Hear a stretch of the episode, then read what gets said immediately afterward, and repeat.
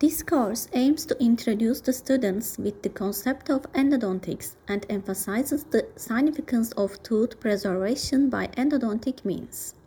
and also to help our students acquire knowledge and skills with both theoretical and practical studies.